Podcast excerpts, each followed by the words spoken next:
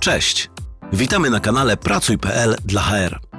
Niezależnie od tego, czy słuchasz nas przy kawie, w drodze do pracy czy na spacerze, cieszymy się, że możemy Ci dzisiaj towarzyszyć.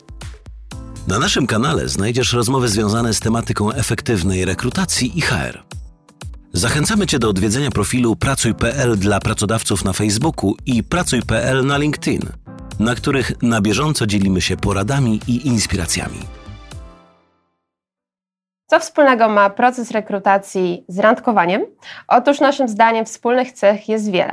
Dziś rozłożymy proces rekrutacji na części pierwsze. Odkryjemy tak zwane love points, które wskażą Państwu, co zrobić, żeby spotkania z kandydatami nie zakończyły się tylko przelotną znajomością, ale przerodziły się w prawdziwą, długotrwałą i dojrzałą relację biznesową. Tak jak w miłości, liczy się tutaj idealne dopasowanie, wspólne cele, wartości oraz oczywiście szczera komunikacja. Zapraszamy Państwa do wspólnej podróży od momentu pierwszego wrażenia do momentu idealnego meczu, e, takiego poczucia, że to jest ten idealny, perfekcyjny kandydat. Ja nazywam się Emilia Dąbrowska i w Pracuj.pl odpowiadam za działania marketingowe skierowane do pracodawców. Dzisiaj moim gościem będzie Marta Bryła-Gozdyra, która na co dzień doradza klientom, jak rozkochać w sobie użytkowników czy też konsumentów marki.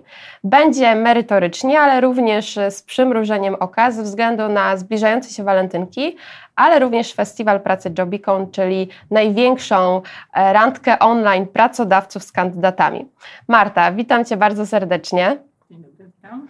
E, ogromnie cieszę się, że jesteś dzisiaj z nami. Chciałabym Cię poprosić, żebyś na wstępie przedstawiła się krótko naszym widzom, również w kontekście też tutaj um, tematyki naszego spotkania. E, nazywam się Marta Bryła-Gozdyra, jestem psychologiem zachowań konsumenckich i psychologii organizacji. E, na co dzień wspieram klientów razem z zespołem FFRB w budowaniu właśnie proklienckich organizacji, w których bierzemy pod uwagę zarówno doświadczenia klienta, jak i doświadczenia pracownika, bo nie da się skupiać tylko na jednym, a nie wziąć pod uwagę po prostu drugiego. Jeśli chcemy budować prokliencką markę, musimy pamiętać o jednym e, i o drugim obszarze. Powiedz proszę, co składa się na kształtowanie naszych postaw i zapamiętywanie doświadczeń? Okej, okay, to jest dobre pytanie na początek, e, dlatego że e, to, w jaki sposób my kształtujemy e, swoje nastawienie do innych ludzi czy też do marek, na to wpływ ma nasza postawa. Z psychologii postawa składa się z trzech elementów: z tego elementu tak zwanego racjonalnego, z emocjonalnego i zachowania. Czyli muszą wystąpić trzy te elementy, żebyśmy powiedzieli, że ktoś ma pozytywną podstawę w stosunku na przykład do naszej marki. E, jeśli zaś pomyślimy sobie o pamięci, czyli o tym w ogóle, jak kształtuje się nasza pamięć, e, no to tutaj kluczowy wpływ mają emocje. I my lepiej zapamiętujemy to, jak się czuliśmy, niż to, co de facto się tam, co, co tam de facto miało miejsce. Dzisiaj na przykład, jak jechałam e, tutaj na nasze spotkanie, była straszna śnieżyca. I nic nie pamiętam z tej półtorej godziny drogi. Natomiast pamiętam ogromny strach i stres, który mi towarzyszył, żeby tutaj dojechać bez stłuczki. Mhm. I pamiętam tylko to uczucie tego po prostu przejmującego, przejmującego strachu. E, kiedy myślimy o naszych kandydatach, kiedy myślimy o klientach, kiedy myślimy o kandydatach, o pracownikach również, e, jak najbardziej, to powinniśmy myśleć o ich doświadczeniach. Ludzie zapamiętują właśnie doświadczenia, przez, które są takimi pikami, tak? Czyli można powiedzieć, że nasze życie jest takie, a czasami jest takie. To zapamiętujemy to, co jest na górze i czasami jest to, co jest na dole, tak? I zapamiętujemy również to, co jest na dole. Czyli zapamiętujemy, nawiązując do tak zwanej ścieżki kandydata, o której dzisiaj będę chciała opowiadać, takie momenty love.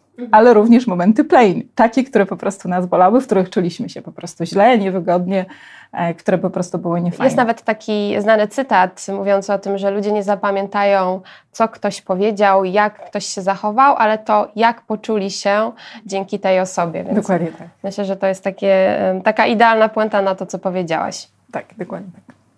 Marta, na podstawie Twojego niezwykle bogatego doświadczenia w dziedzinie Customer Experience Management, powiedz proszę, jakie elementy grają kluczową rolę w kształtowaniu pierwszego wrażenia? Jakie sygnały sprawiają, że czujemy się dobrze, że czujemy chemię, że chcemy kontynuować relacje? I jak to odnieść też do procesu rekrutacji? Jasne, jasne, jasne. E, przede wszystkim trzeba pamiętać o tym, że pierwszy kontakt z marką pracodawcy, tak, bo mówimy tutaj o doświadczeniu kandydata, E, więc pierwszy kontakt z marką e, tego pracodawcy nie musi być tym momentem, kiedy my widzimy ogłoszenie, na przykład na stronie internetowej mhm. waszej pracy. Tak? My możemy pamiętać tą markę z różnych innych sytuacji, na przykład wtedy, kiedy byliśmy w sklepie e, i kupowaliśmy produkt danej marki, albo wtedy, kiedy korzystamy z usług danej, danej marki. To są wszystkie te sytuacje, w których my jako ludzie tworzymy sobie pewne doświadczenia i zbieramy te doświadczenia, tak? Czyli wtedy, kiedy spotykam się jako kandydat z takim ogłoszeniem, to wpasowuję to, to moje doświadczenie, które było wcześniej, do tego, które mam tutaj, wtedy, kiedy widzę to, kiedy widzę to ogłoszenie. Mhm. Więc mówimy o pewnej też spójności tak? Dlatego, że my chcemy jako ludzie, oczekujemy, żeby pewne rzeczy były spójne. Jeśli ktoś jest fajny, to on ma być fajny. Nie lubimy, jak on po prostu się zmienia. W związku z tym, e, kiedy mamy pewne to swoje doświadczenie związane po prostu z marką, którą wcześniej widzieliśmy i widzimy na przykład takie, takie, takie ogłoszenie, e, to co, co jest ważne, to jest pewna spójność. Tak? Czyli to, w jaki sposób te nasze oczekiwania i wyobrażenia o tej marce odzwierciedlają się na przykład w tym, w tym, po prostu w tym ogłoszeniu. Więc przede wszystkim kiedy budujemy doświadczenie naszych kandydatów, musimy pamiętać o całym takim brandingu, który jest związany z naszą marką i z tym, w jaki sposób marka jest, jest komunikowana. Tak? E, to jest y, ważny element, na którym kandydaci zwracają uwagę zarówno na poziomie takim świadomym, jak i na poziomie nie, nieświadomym. Tak? To są takie elementy, które, które gdzieś tam budują nasze nastawienie i te właśnie nasze postawy. Kiedy mówimy o takim ogłoszeniu, no to na pewno ono musi się czymś wyróżnić. tak, czyli spośród tych wielu różnych ogłoszeń, e, które widzimy, to ono musi gdzieś tam przyciągnąć nasz wzrok. Nasz wzrok.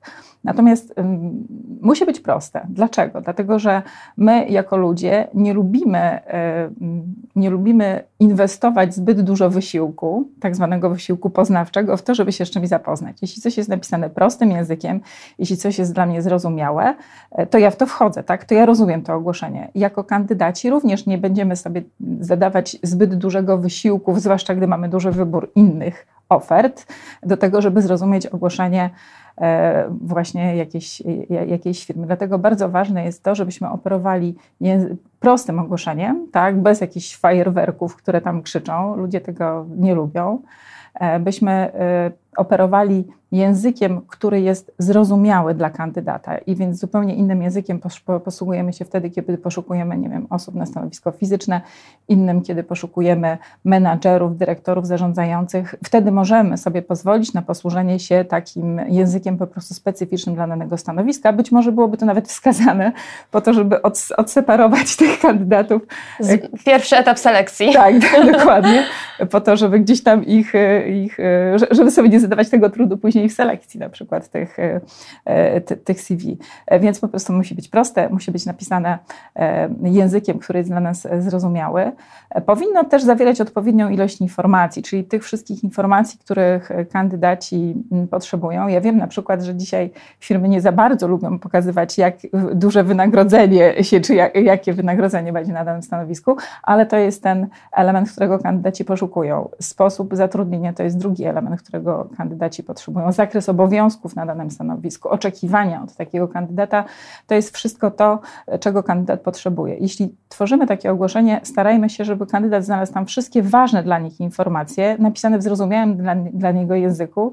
Nie używajmy takich sloganów w swojej korporacji, swojej organizacji. Bardzo często firmy używają takich sformułowań, ale są kompletnie niezrozumiałe dla odbiorcy. Więc mówmy do swoich odbiorców językiem, który po prostu jest zwyczajnie dla nich, dla nich zrozumiałym. Albo też językiem, którym na co dzień firmy posługują się w organizacjach.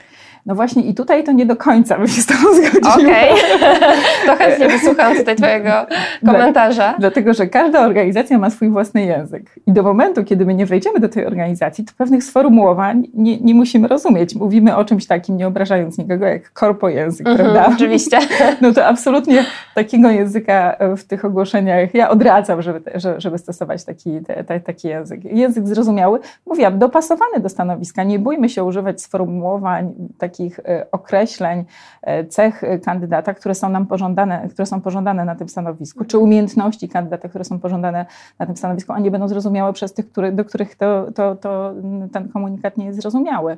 Z drugiej strony pamiętajmy też o tym, że jeśli takie ogłoszenie zawiera odpowiednią ilość informacji, to my również na tym etapie dokonujemy selekcji kandydatów. Zgadza się, miało być z przymrużeniem oka, więc też dodam, że ma to swoją analogię również w aplikacjach randkowych. Jeżeli profile kandydatów są e, lepiej uzupełnione, znajduje się zdjęcie, krótki opis, to nie widziałam nigdy badań, ale zakładam, że lepiej performują i więcej jest tych, tych idealnych meczy. Myślę, że zdecydowanie, tak, tak. Tutaj chociaż trochę może być to inaczej, ale tak, jak najbardziej. Na pewno bardziej przyciągają uwagę i jestem bardziej pewny tego wyboru, którego tam dokonuję na tym na tym profilu randkowym. Dobrze, to jesteśmy teraz na etapie wysłania CV przez kandydata, czyli mhm. kolejny, kolejny element naszej podróży. E, kandydat zobaczył ogłoszenie, przekonała go treść, ale mhm. również, e, tak jak wcześniej wspomniałaś, miał już pewne skojarzenia, być może doświadczenia z marką. To wszystko złożyło się na to, że on wysłał CV. E, I teraz następuje taki moment, kiedy kandydat oczekuje. Oczekuje na kontakt mhm. e, rekrutera, pracodawcy, zastanawia się, czy ma szansę um, na zdobycie tej pracy, zastanawia się też, jak wypadł na przykład na tle innych kandydatów. Jak na tym etapie rekruter może zadbać e, o pozytywne doświadczenia, żeby tą wspólną podróż rozpocząć właśnie od tych mhm. pozytywnych, a nie negatywnych doświadczeń. Mhm, Okej. Okay. Cały czas pamiętamy o tym, że mamy te emocje irracjonalność naszą, tak? Więc jeżeli jesteśmy rekruterem, powinniśmy myśleć o tym, o tej części po prostu, jak się nasz potencjalny kandydat czuje, czy ci kandydaci, którzy nas zaaplikowali, jak my merytorycznie możemy im odpowiedzieć, żeby wiedzieli, gdzie są.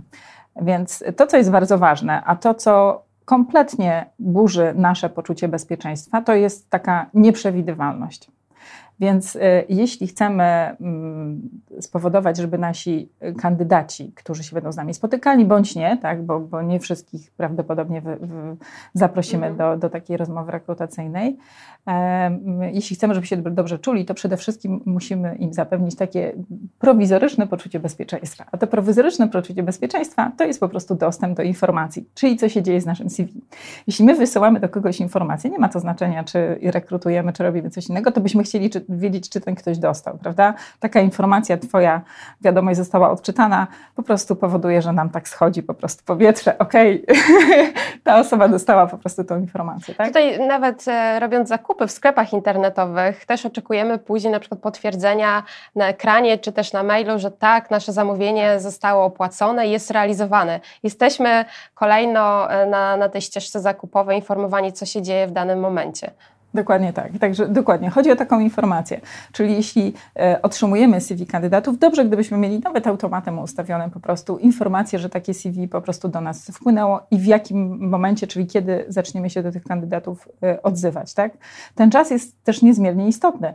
E, on gra rolę dla nas, ale gra również rolę dla kandydatów, dlatego że gro z nich, e, poszukując pracy, potrzebuje, potrzebuje tu i teraz. E, być może byłoby w stanie poczekać na takiego pracodawcę dłużej, gdyby wiedziało, że jest w grze. Mhm.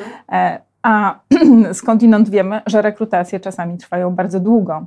Więc jeżeli zaniechamy takiego kontaktu z kandydatem, informując go, że mamy Twoje CV, że je przetwarzamy, a że analizujemy, pokazujemy, jaka jest ścieżka wewnątrz organizacji, to możemy również stracić bardzo wartościowych kandydatów. Więc to, co ja bym rekomendowała, to stworzyć taki bardzo transparentny proces, w którym po prostu informujemy kandydata, na jakim etapie procesu e, jest w tej chwili jego CV. Jeśli e, zdarzy się tak i się zdarza, tak, że, że, są, e, że są tam osoby, y, których nie będziemy brać pod uwagę, tak, dlatego że ich CV y, nie są dopasowane do, e, do profilu naszego e, pracownika, no to takim kandydatom również trzeba grzecznie odpowiedzieć, że im dziękujemy. Tak? To jest bardzo ważne, to jest bardzo ważne, bardzo ważne żeby, żeby też im powiedzieć właśnie, że że, że nie, tak? Y, nawet jeżeli otrzymujemy tych CV tysiąc, to powinniśmy taki proces rekrutacyjny stworzyć, żeby dać y, jednak y, wszystkim kandydatom taką dostęp po prostu do, do odpowiedniej informacji. Tym bardziej, że obecnie jest to stosunkowo proste. Mamy narzędzie, systemy i tak jak powiedziałaś, możemy takie, takie etapy ustawić również automatycznie. Dla, z perspektywy kandydata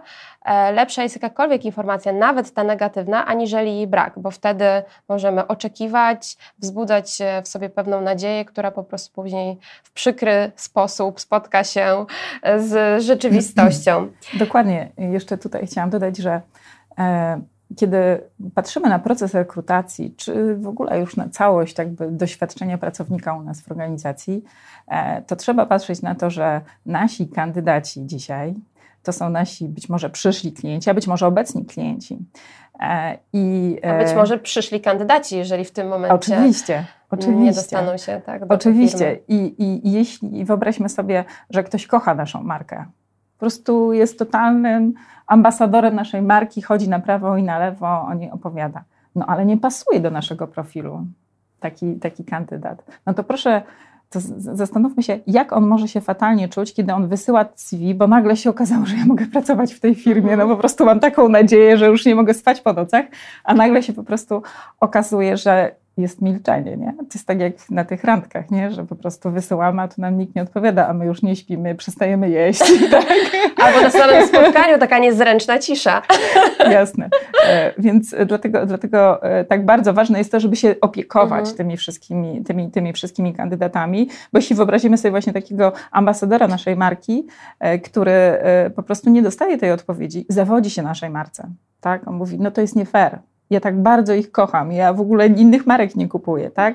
Natomiast wysyłam do nich CV, oni mi nie odpowiadają. Odpowiadajmy na, na, na, na, na, na, na wszystkie te CV skierowane e, przez kandydatów do nas. E, to jest naprawdę mało wysiłku w stosunku do, do korzyści, jakie otrzymujemy. Firmy do, wydają codziennie miliony złotych na reklamy. To jest najlepsza reklama. Nie traćmy kandydatów, ale też nie traćmy naszych klientów. Absolutnie tak, tak. Słuchasz podcastu Pracuj.pl dla HR. Jesteśmy na etapie pierwszej e, rozmowy. E, czasami przed taką pierwszą rozmową był już e, kontakt, czasami dopiero będzie to pierwszy kontakt pracodawcy z kandydatem. Natomiast umawiamy spotkanie. W dzisiejszych czasach często takie spotkania odbywają się online. Mhm. Powiedz proszę, czy w związku z tym, że obecnie mamy czasy pracy zdalnej, ogranicza to, czy wręcz przeciwnie, być może poszerza możliwości budowania pozytywnych doświadczeń na etapie właśnie rozmowy rekrutacyjnej? Myślę, że nic nie zastąpi kontaktu bezpośredniego. Jeżeli ludzie się widzą z sobą i mamy taką interakcję, ta nasza relacja jest zdecydowanie lepsza. Więcej widzimy, więcej rozumiemy, czujemy tą chemię, czy ją mamy, czy pasujemy do siebie, czy, czy nie pasujemy. Ja weszłam do waszego biura i widzę, jak to biuro wygląda. Mogę poczuć po prostu to biuro i atmosferę, która po prostu tutaj panuje. I jeśli będę miała kontakt tylko z kamerą, to automatycznie takiej możliwości jestem, e, jestem pozbawiona. Więc gdybym miała e, rekomendować sposób rekrutacji, zdecydowanie lepszy jest po prostu wtedy, kiedy z kandydatem się widzimy i z tego większe korzyści odnoszą zarówno kandydaci, jak i na pewno pracodawcy.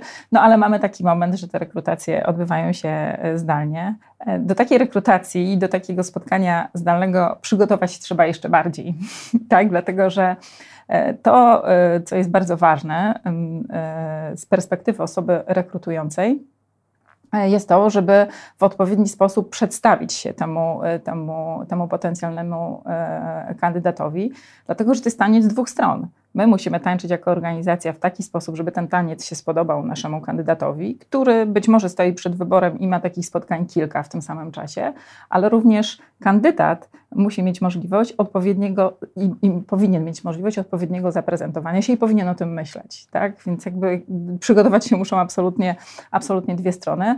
Natomiast y, bez dwóch zdań większą odpowiedzialność za to spotkanie ponosi organizacja. Czyli to organizacja, skoro zaprasza takiego klienta, musi to spotkanie zorganizować, czyli musi udostępnić odpowiednie na przykład narzędzie do takich spotkań. E, narzędzie, które jest proste, dostępne, nie wymaga 30 e, minut instalacji wcześniej. To jest bardzo, to jest bardzo ważne. Jakby zalogowanie się do takiego, do takiego spotkania powinno być stosunkowo e, proste. Powinno być to urządzenie niezależne.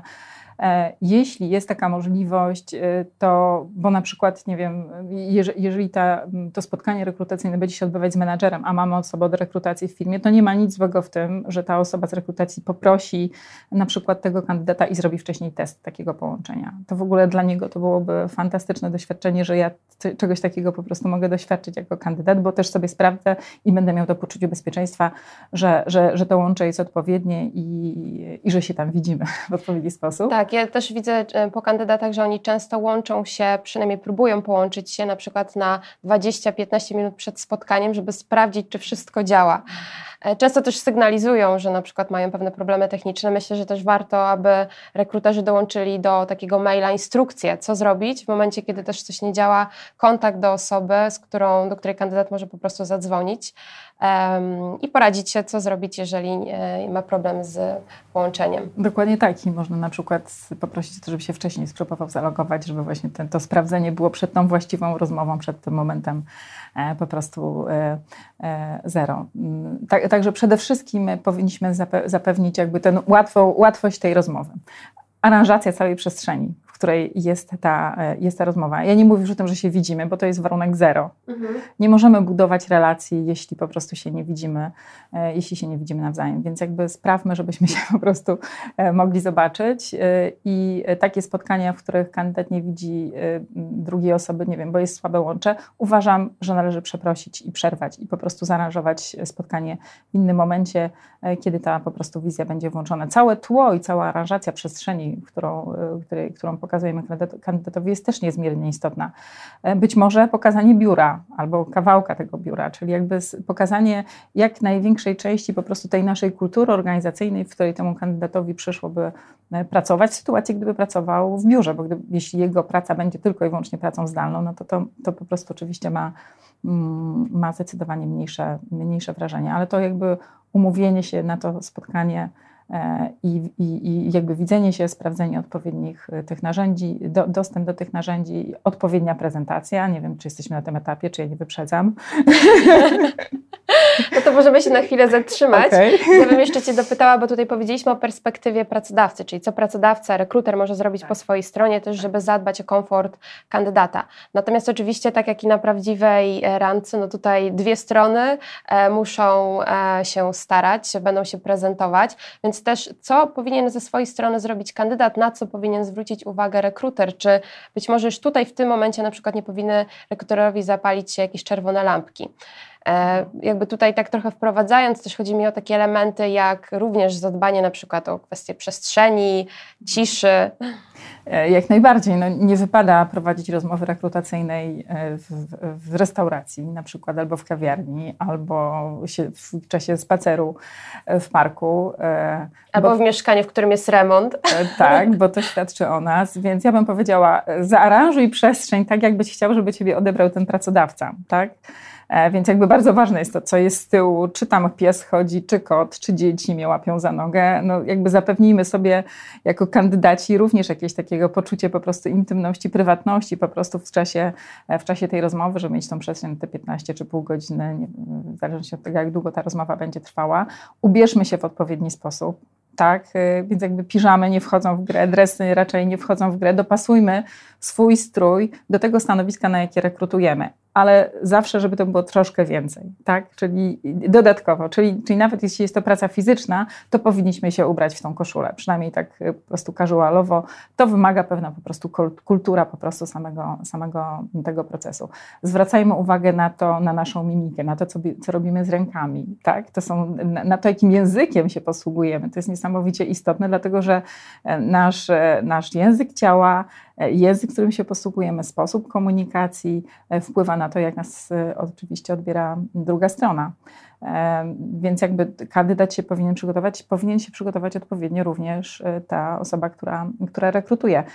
My jako ludzie mamy taką, taką cechę tworzenia pewnych schematów i robimy to po to, żeby życie było prostsze. Czyli ja, jeśli jestem rekruterem i rekrutuję jakiegoś pracownika, to mam wyobrażenie pewnego idealnego pracownika. Mam pewne cechy, jaki on będzie, jaki jest, co będzie robił i tak dalej, i tak dalej. I to, co e, charakteryzuje nasze zachowanie, to jest to, że sobie projektuję te swoje wyobrażenia często na tego kandydata. I to jest bardzo oczywiście e, mylące, tak? bo to e, powoduje, że możemy zatrudnić niewłaściwą osobę. Tak samo ma to miejsce wtedy, kiedy się spotykamy z drugą osobą. To nie znaczy, że to robimy tylko wtedy, kiedy mamy spotkanie online, ale online mamy większą skłonność do popełnienia takich błędów. I analogicznie jest po stronie kandydata. Kandydat ma wyobrażenie, pewnie nawiążmy do tego kandydata zakochanego w naszej marce, jaka jest ta marka, jak tam będzie, jakie to będzie fantastyczne po prostu miejsce pracy. I on ma wyobrażenie pewnie pytanie o tym. mu się wydaje, że on już wie. Absolutnie, z czym on się tam spotka. czyli, każdy swoje, czyli każdy projektuje swoją wizję i tworzy sobie w głowie pewną obietnicę. A jak przychodzimy do pracy, to czego oczekujemy? Spełnienia mhm. obietnic, tak?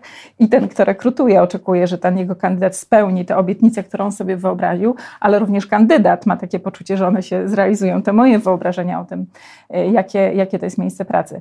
Więc bardzo ważne jest to, żeby ta rozmowa e, z kandydatem e, rzeczywiście analizowała jego potrzeby, jego oczekiwania, pokazała nam, jaki ten kandydat jest i wtedy, kiedy rekrutujemy, żebyśmy z tyłu głowy wiedzieli, że mamy taką zdolność jako ludzie do projektowania sobie właśnie pewnych wyobrażeń, bo tak jest na skróty, tak jest po prostu łatwiej.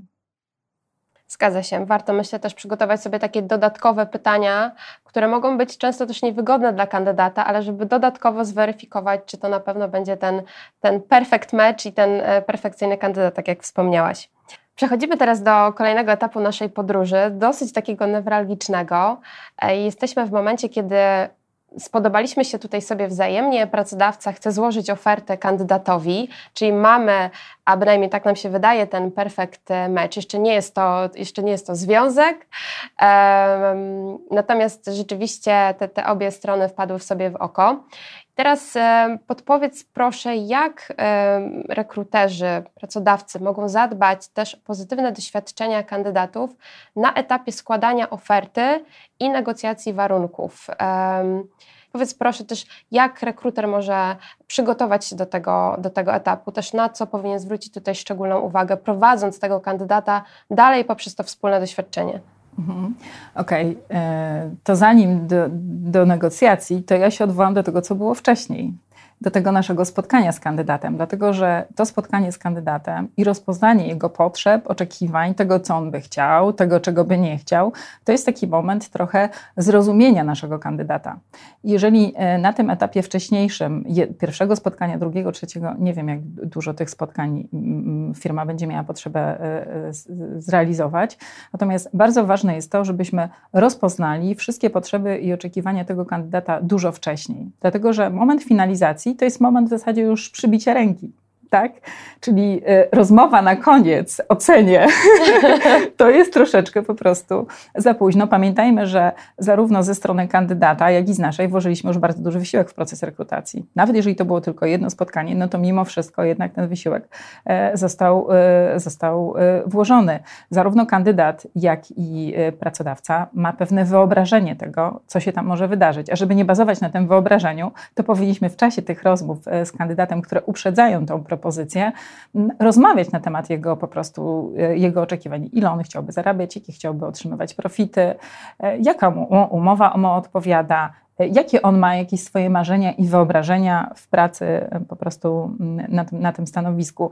Jeżeli zrobimy to odpowiednio dobrze wcześniej, to ten etap będzie tylko pstryczkiem i tak naprawdę. Formalnością. Absolutnie i powinniśmy do tego prowadzić, dlatego że y, nie, możemy, nie może być miło przez cały czas, a potem będzie niemiło. Mhm. Tak? Bo nagle się okaże, że pan jest taki fajny, my jesteśmy tacy fajni, ale my nie mamy nas na pana po prostu nie stać. No i ten kandydat jednak inwestował ten czas y, i jakieś to, to swoje wyobrażenie po prostu tej pracy w firmie i tworzy te swoje doświadczenia. Pamiętajmy o tym, że mamy te piki i to jest moment, kiedy po prostu możemy pójść w dół dół, kiedy on powie, nie, no nie, na to się nie umawiałem. Tak, tak, tak. Oni mi w ogóle zupełnie wcześniej tego tak nie przedstawiali. Tak? I bardzo jest ważne jest to, żebyśmy jednak y, myśleli o tym y, do, do przodu, żebyśmy nie zostawiali sobie tego momentu na koniec. Więc idealnie byłoby pokazać widełki tego wynagrodzenia już na pierwszym etapie, wtedy na przykład, kiedy publikujemy takie ogłoszenie. Tak, żeby nie była to dla kandydata taka randka w ciemno, że tak naprawdę nie wie o co gra. Absolutnie, tak, ja mam żonę i dzieci na przykład, tak. E, natomiast e, wracając na serio, bardzo ważne jest, żebyśmy o to zapytali po prostu wcześniej. A ten moment, kiedy przedstawiamy umowę, to jest tylko moment finalizacji tego wszystkiego. Jeśli na przykład wiemy, że nasze umowy są złożone, a z kandydatami prowadzimy już rozmowy dosyć długo, ale są pewne jakieś, nie wiem, wytyczne korporacyjne, które powodują, że ta umowa nie będzie taką prostą po prostu umową, to elegancko byłoby na przykład pokazać, jak wygląda draft naszej umowy.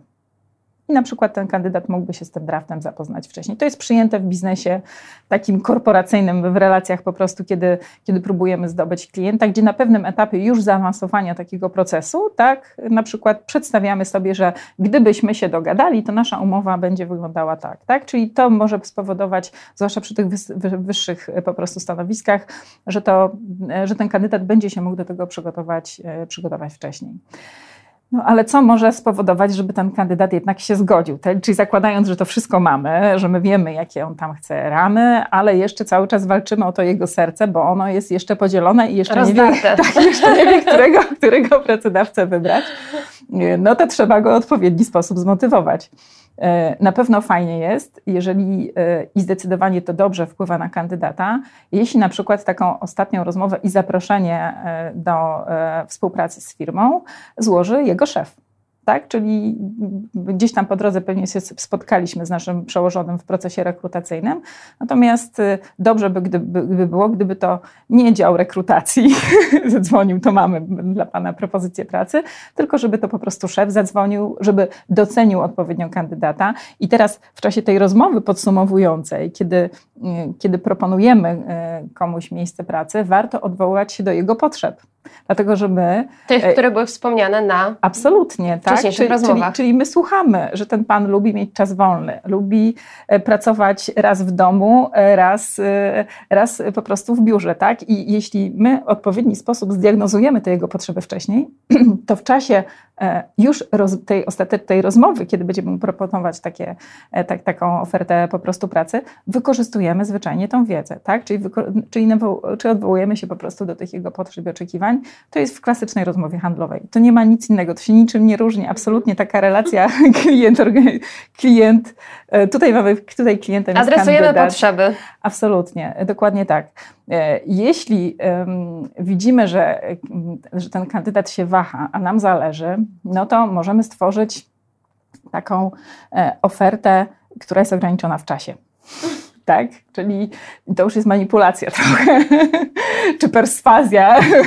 Idźmy w perswazję, nie w manipulację. Mówiąc, mówiąc, ładniej, w każdym razie możemy powiedzieć, że nie wiem, że my musimy podjąć decyzję już, że jest dużo ilość kandydatów, która się biła o to po prostu o to miejsce, jeśli nie pan, to ktoś inny. No tutaj możemy zastosować taką zasadę niedostępności. Jeśli nam na kimś szczególnie zależy, to dobrze ją sobie już taką, taką, taką strategię wdrożyć chwilę po prostu wcześniej, nie tylko na końcu, mm, nie tylko na końcu tej rozmowy ale myślę, że e, ta, ten, ten, ten, ten moment e, finalizacji po prostu tego, tego całego procesu, tak, czyli zaproponowania kandydatowi pracy, to przede wszystkim powinien być taką kropką, e, nad tym wszystkim, co zrobiliśmy do tej pory. Nie powinniśmy traktować tego jako po prostu jakiś trudny moment w ogóle, dlatego że on nie będzie trudny, jeśli my się do tego momentu po prostu przygotujemy odpowiednio wcześniej. Nie powinien w każdym razie być.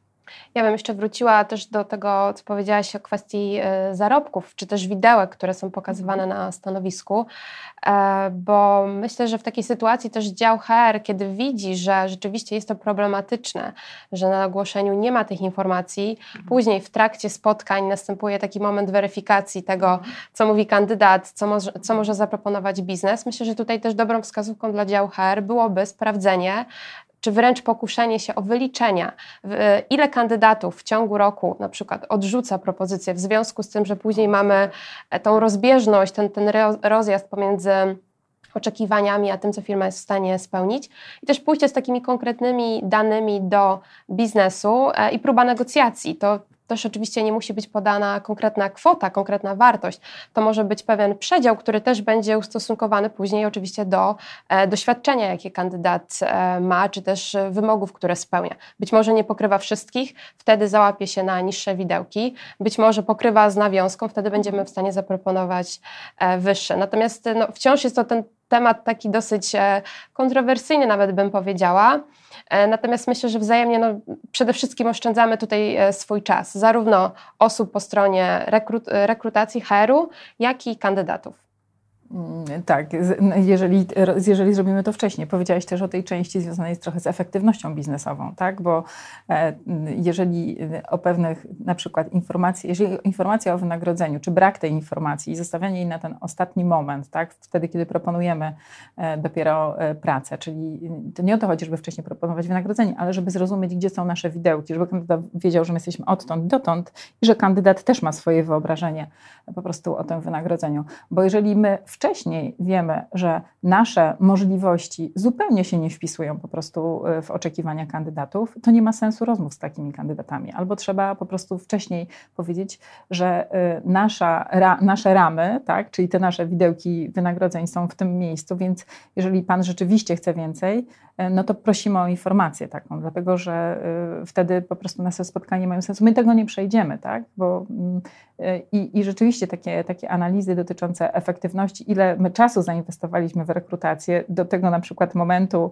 e, kiedy kandydaci mówią nie dziękuję, po prostu nie stać was na mnie, po prostu, bo, bo, bo, bo, bo za mało mi zaoferujecie, mhm. albo umowa mi po prostu nie odpowiada. Są e, różne elementy, które mogą takiemu kandydatowi nie odpowiadać. E, może być zbyt późna i zwyczajnie firmę sporo kosztować.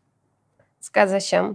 I tym samym dobrnęłyśmy już do ostatniego etapu, ale jakże rozbudowanego, czyli etapu, kiedy mm, szczęśliwie uścisnęliśmy sobie dłoń, czy też zdalnie podpisaliśmy e, dokumenty. Przechodzimy do momentu onboardingu. E, w obecnych czasach, też nawiązując do tego, e, co mówiłyśmy wcześniej, ten onboarding również często odbywa się zdalnie. Pracownicy pracują zdalnie, czy też w modelu hybrydowym. Jak w takim modelu pracodawca może, czy też przyszły przełożony, może zadbać o pracownika, żeby zacząć budować z nim już tą prawdziwą więź. Mamy wcześniejszą relację, no teraz będzie również to zdarzenie tej oferty, którą którą kandydat miał złożoną na etapie spotkań, na etapie ogłoszenia i moment weryfikacji, jak ta oferta ma się tutaj do rzeczywistości. Co zrobić, e, żeby mimo tego, że się nie widzimy, nie jesteśmy w stanie um, też, też w pewien sposób fizycznie na siebie oddziaływać, móc tego kandydata związać, e, kandydata już nawet pracownika, związać z firmą na dłużej. Mhm, Okej. Okay. E, przede wszystkim, jeśli pracujemy zdalnie, to ja mam takie swoje zdanie, wszystkiego musisz robić więcej. E, I to się dzieje, tak samo się dzieje po stronie oczywiście pracowników, e, jak i, jak i organizacji. Kluczowym elementem, kiedy, mm, kiedy my czujemy, mm, kiedy jesteśmy zatrudnieni przez jakąś firmę, jest takie moje dopasowanie do tej organizacji, czy ja się po prostu będę tutaj dobrze czuł. Więc jeżeli my, jako osoby, mm, które są odpowiedzialne za takie doświadczenie już tego początkowego pracownika, czyli w czasie tym tak zwanym okresie onboardingu, e, jeśli, jeśli o tym wiemy, no to powinniśmy mu zapewnić zbudowanie odpowiedniej więzi e, z organizacją, tak? takiego trochę poczucia po prostu przynależności e, do, do, tej, do, tej, do tej organizacji. Był kiedyś taki film, Castaway z Tomem Hanksem. Mhm.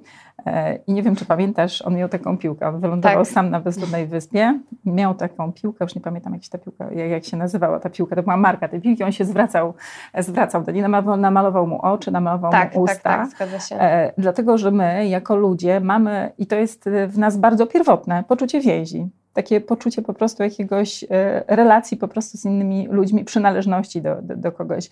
On na tej bezludnej wyspie, daleko od całego świata, od wszystkich ludzi, stworzył sobie wyobrażenie po prostu człowieka, w, w, po prostu w takiej, w takiej piłce, z którą rozmawiał, który opowiadał, co robi, z którą dzielił się swoimi troskami. I... E, Mr. Wilson?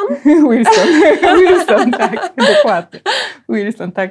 E, co powodowało, że on się po prostu lepiej czuł. On go lubił, on być może się nawet w nim zakochał, tak? W sensie takiej miłości po prostu, e, po prostu partnerskiej, bo mm, ta relacja po prostu z tą piłką e, dawała mu jakieś tam po prostu poczucie bezpieczeństwa.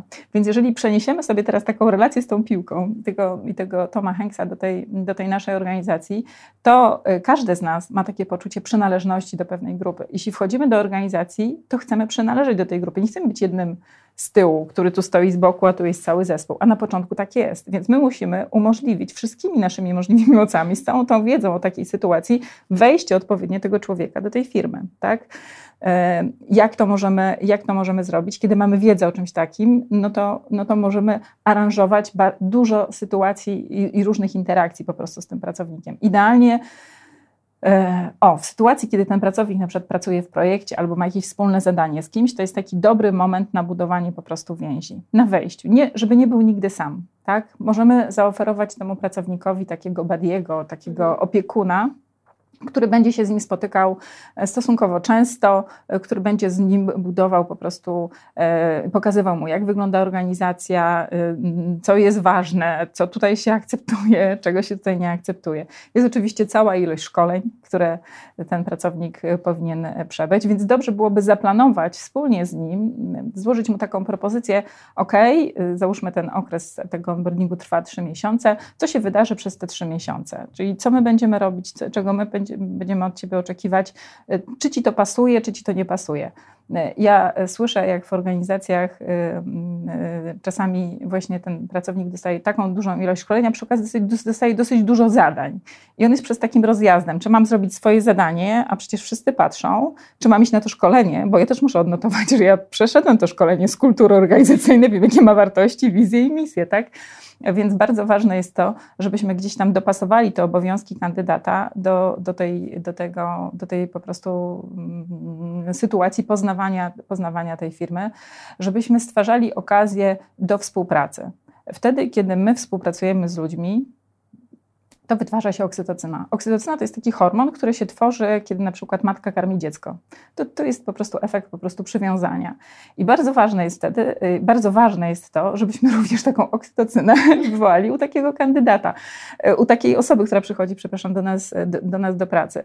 Więc zapraszajmy go do, do, do, różnych spotkań, y, róbmy wspólnie, róbmy po prostu wspólnie po prostu projekty po to, żeby on mógł gładko wejść do tej firmy. Nie ma nic gorszego niż ktoś, kto zaczyna pracę zdalnie, nie rozumie organizacji, nie zna nikogo w tej organizacji, y, nie wie, jak się po prostu poruszać po tej y, organizacji i ma mały z nią kontakt. To nigdy go ze sobą nie zwiążemy. Żeby być z kim związanym, trzeba aranżować odpowiednią ilość i odpowiedniej częstotliwości po prostu e, spotkań. Jedno spotkanie w tygodniu nie wystarczy, godzina dziennie również może nie wystarczyć, tak? Więc jakby musimy być blisko tego swojego kandydata, w zależności oczywiście od zadań, które przed nim stoją, tak? Dlatego, że zupełnie inaczej e, możemy podejść do kogoś, kto ma już doświadczenie 15-10 lat, e, a zupełnie inaczej do kogoś, kto po prostu pracował w swoim życiu dwa lata albo właśnie przyszedł do pracy na stanowisko, w którym nigdy nie pracował i musi się tego zwyczajnie, zwyczajnie nauczyć. Więc powinniśmy się dopasować do tego kandydata kandydata, ale przede wszystkim dbać o takie zbudowanie z nim poczucia więzi,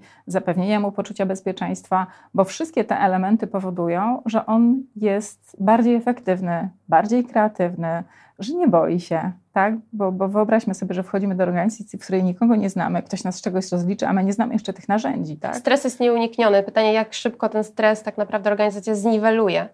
No, no, organizacja może go niwelować, oferując cały czas, dając po prostu poczucie wsparcia. Nie mówimy po prostu, my korzystamy z takich narzędzi, tylko mówimy, że korzystamy z takich narzędzi, z tych narzędzi się korzysta tak, spróbujmy przejść to razem, spróbuj się w tym pobawić sam, potem zapytajmy, jak się z tym czujesz, czy potrafisz sobie z tym poradzić, tak? Czyli kiedy, kiedy ten cały onboarding i praca z pracownikami zaczyna się zdalnie, powinniśmy w to wkładać zdecydowanie więcej wysiłku niż zwykłej organizacji, bo jak ktoś tu wejdzie, to się wcześniej czy później kogoś zapyta, gdzie coś jest. Zorientuje tak? się. Dokładnie. E, często nie ma takiej możliwości, kiedy wchodzi do organizacji, której na przykład nie zna, e, nie zna zupełnie ludzi. Tak? Więc jakby to jest bardzo ważne, żeby mu e, taką, taki, takie, taką możliwość zapoznania się z zespołem, ale z tym wszystkim po prostu zapewnić i upewniać się na każdym kroku, bo to jest nasza odpowiedzialność jako organizacji, czy rzeczywiście mm, ta osoba odpowiednio zna narzędzia, wie, co jest ważne, wie, co akceptujemy, wie, czego nie akceptujemy. E, też w takiej pracy zdalnej wychodzi to, bo nie da się tam powiesić plakatów na ścianach, że mamy takie wartości. Tak? I tak naprawdę w relacjach pomiędzy poszczególnymi ludźmi i tym, jak my podchodzimy jako przełożeni do takiej osoby, czy jako po prostu dział HR, czy jako zespół, wychodzi to, jakie wartości ma rzeczywiście taka, taka organizacja i czy to, co usłyszałem na początku, dzieje się tutaj, tak? Dlatego, że ten okres onboardingu to jest takie dopasowanie tego wszystkiego, czego ja usłyszałam w czasie tych rozmów kwalifikacyjnych, tak? Jeszcze tego mojego wyobrażenia o tym, w jakiej ja firmie będę pracował. Moment prawdy. Do, dokładnie, versus to po prostu, z czym mam do czynienia. I to jest taki moment, kiedy właśnie, to jest taki mały moment prawdy, kiedy rzeczywiście ja podejmuje decyzję, czy ja tutaj będę, czy ja tutaj nie będę. Dodałabym tutaj od siebie, że warto, myślę, podzielić ten on onboarding na część firmową, oddzielnie też część stanowiskową, zespołową, żeby też pracownik, e, właśnie tak jak mówiłaś wcześniej, nie miał poczucia, że musi wybrać, tylko żeby to było zaplanowane wszystko na, na osi czasu. I też dodałabym taki moment weryfikacji, e, to już jakby do ustalenia, czy to powinno być po miesiącu, czy po trzech miesiącach okresu próbnego, żeby sprawdzić, jak po tym czasie pracownik się czuł, jak postrzega firmę, jak postrzega swojego przełożonego zespół. E, no, jakby też tak wyczuć, sprawdzić, czy rzeczywiście ten pracownik tutaj zostanie z nami na dłużej, czy to już jest moment, kiedy on gdzieś tam z boku rozgląda się za kolejnym pracodawcą. No myślę, że takie wyczulenie trzeba mieć dużo wcześniej niż po tych trzech miesiącach, e, że jeśli jestem jego przełożonym, to muszę być z nim na tyle blisko, żeby odczuć, jak on się czuje, czy on ma komfort pracy, czy nie ma komfortu pracy dużo wcześniej. E, ale jeszcze nawiązując do tej po prostu weryfikacji, o której, o której mówisz, weryfikować powinniśmy cały proces rekrutacyjny. Idealna sytuacja jest taka, ponieważ e, z perspektywy mm, zarządzania E, doświadczeniem pracownika, powinniśmy mieć zaprojektowany proces rekrutacji, jakie powinniśmy również mieć zaprojektowaną część onboardingową i tą dalszą część pracy pracownika z naszą firmą. Musimy wiedzieć, jakie mamy cele i co, w tych, co na tych poszczególnych etapach powinno się dziać, jakie potrzeby, jakie oczekiwania mają e, e, po prostu nasi pracownicy i w odpowiedzi na to w odpowiedni sposób tego, to doświadczenie, im, to doświadczenie im, e, im dostarczyć. Więc e, badać e, możemy oczywiście sam proces onboardingu, ale również te wszystkie elementy, które miały miejsce wcześniej. Jeśli mamy kandydatów, których nie przyjęliśmy do, do pracy, to jest również, żeby dowiedzieć się, jak oni się czuli, czy my w odpowiedni sposób im odpowiedzieliśmy, z czym ich zostawiliśmy po tym kontakcie z naszym mailem czy telefonem, jakkolwiek, w jakikolwiek sposób to po prostu zrobimy, to jest bardzo ważne, żeby zrozumieć, czy zrobiliśmy to dobrze, dobrze, czy moglibyśmy to poprawić, tak? A biorąc pod uwagę właśnie to zarządzanie, to myślimy o, cał, o, o ciągłym doskonaleniu, tak? Czyli jeśli będziemy w odpowiedni sposób zbierać feedback na różnych etapach takiego procesu rekrutacyjnego, bo przecież możemy podziękować po pierwszej rozmowie. No i pytanie, czy zrobić to mailem, czy jednak do tej osoby zadzwonić no, uważam, że jeśli z kimś spotkaliśmy, to elegancko byłoby zadzwonić i na przykład dać feedback takiej osobie, skoro już angażowaliśmy ją i jej czas, to powiedzieć takiej osobie, dlaczego y, ona nie pasuje do naszej organizacji. Co spowodowało, że jednak ona nie przeszła tego procesu rekrutacyjnego, w całości, tylko zatrzymała się mm, jakby na jakimś etapie. Sprawdzanie tych doświadczeń y, naszych y, mm, potencjalnych kandydatów, a później już pracowników i doskonalenie tych procesów powinno być ciągłym elementem działu HR, ale nie tylko działu HR, bo to, co powiedziałaś wcześniej o wynagrodzeniach, że Mm, dział HR może być przygotowany, bo oni wiedzą, że to jest doświadczenie kandydata, doświadczenie pracownika i mamy cały sztab menedżerów, którzy zarządzają przez cele Excelowe bo e, to jest, trochę to jest tak jak z handlowcami, którym się mówi, e, masz zbudować satysfakcję klienta, oni pytają, to czy klient ma być zadowolony, czy mam sprzedać? tak? No, dzisiaj mówimy, że jedno i drugie, tak, e, ale analogiczna sytuacja ma miejsce w przypadku organizacji, na przykład takiego procesu rekrutacyjnego, gdzie taki menadżer mówi, dobra, to jest tylko jeden z wielu, ja muszę sobie znaleźć tego właściwego i nie dba czasami w takim natłoku swoich codziennych zajęć, bo za coś innego go rozliczają po prostu w jego pracy i nie dba o to doświadczenie kandydata.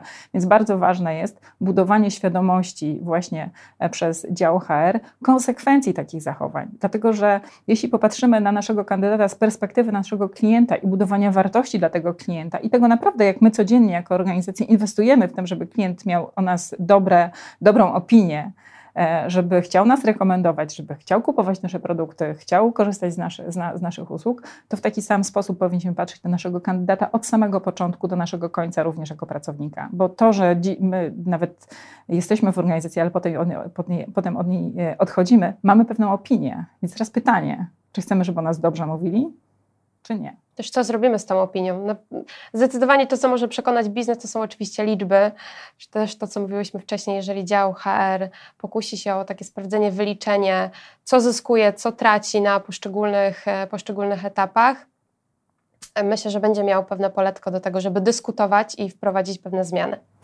Tak, chociaż mam nadzieję, że, że, że, że dzisiaj e, świadomi klienci wiedzą, jak ważne jest doświadczenie klienta, w jaki sposób się je buduje. E, I że tak samo ważne jest doświadczenie naszego pracownika, dlatego że nie jesteśmy w stanie stworzyć e, klientów, którzy będą adwokatami naszej marki, jeśli wcześniej nie zadbamy o pracowników i kandydatów, którzy będą adwokatami naszej marki, bo ja nie muszę przejść procesu rekrutacyjnego, ale ja mogę mieć fajne doświadczenie z nimi. Bo oni na przykład się fajnie ze mną pożegnali, mimo tego, że tam nie pracuję. W tym miejscu chciałabym postawić kropkę. Marta, bardzo Ci dziękuję za niezwykle cenną perspektywę, a także za podzielenie się z naszymi widzami mm, Twoją wiedzą, doświadczeniem.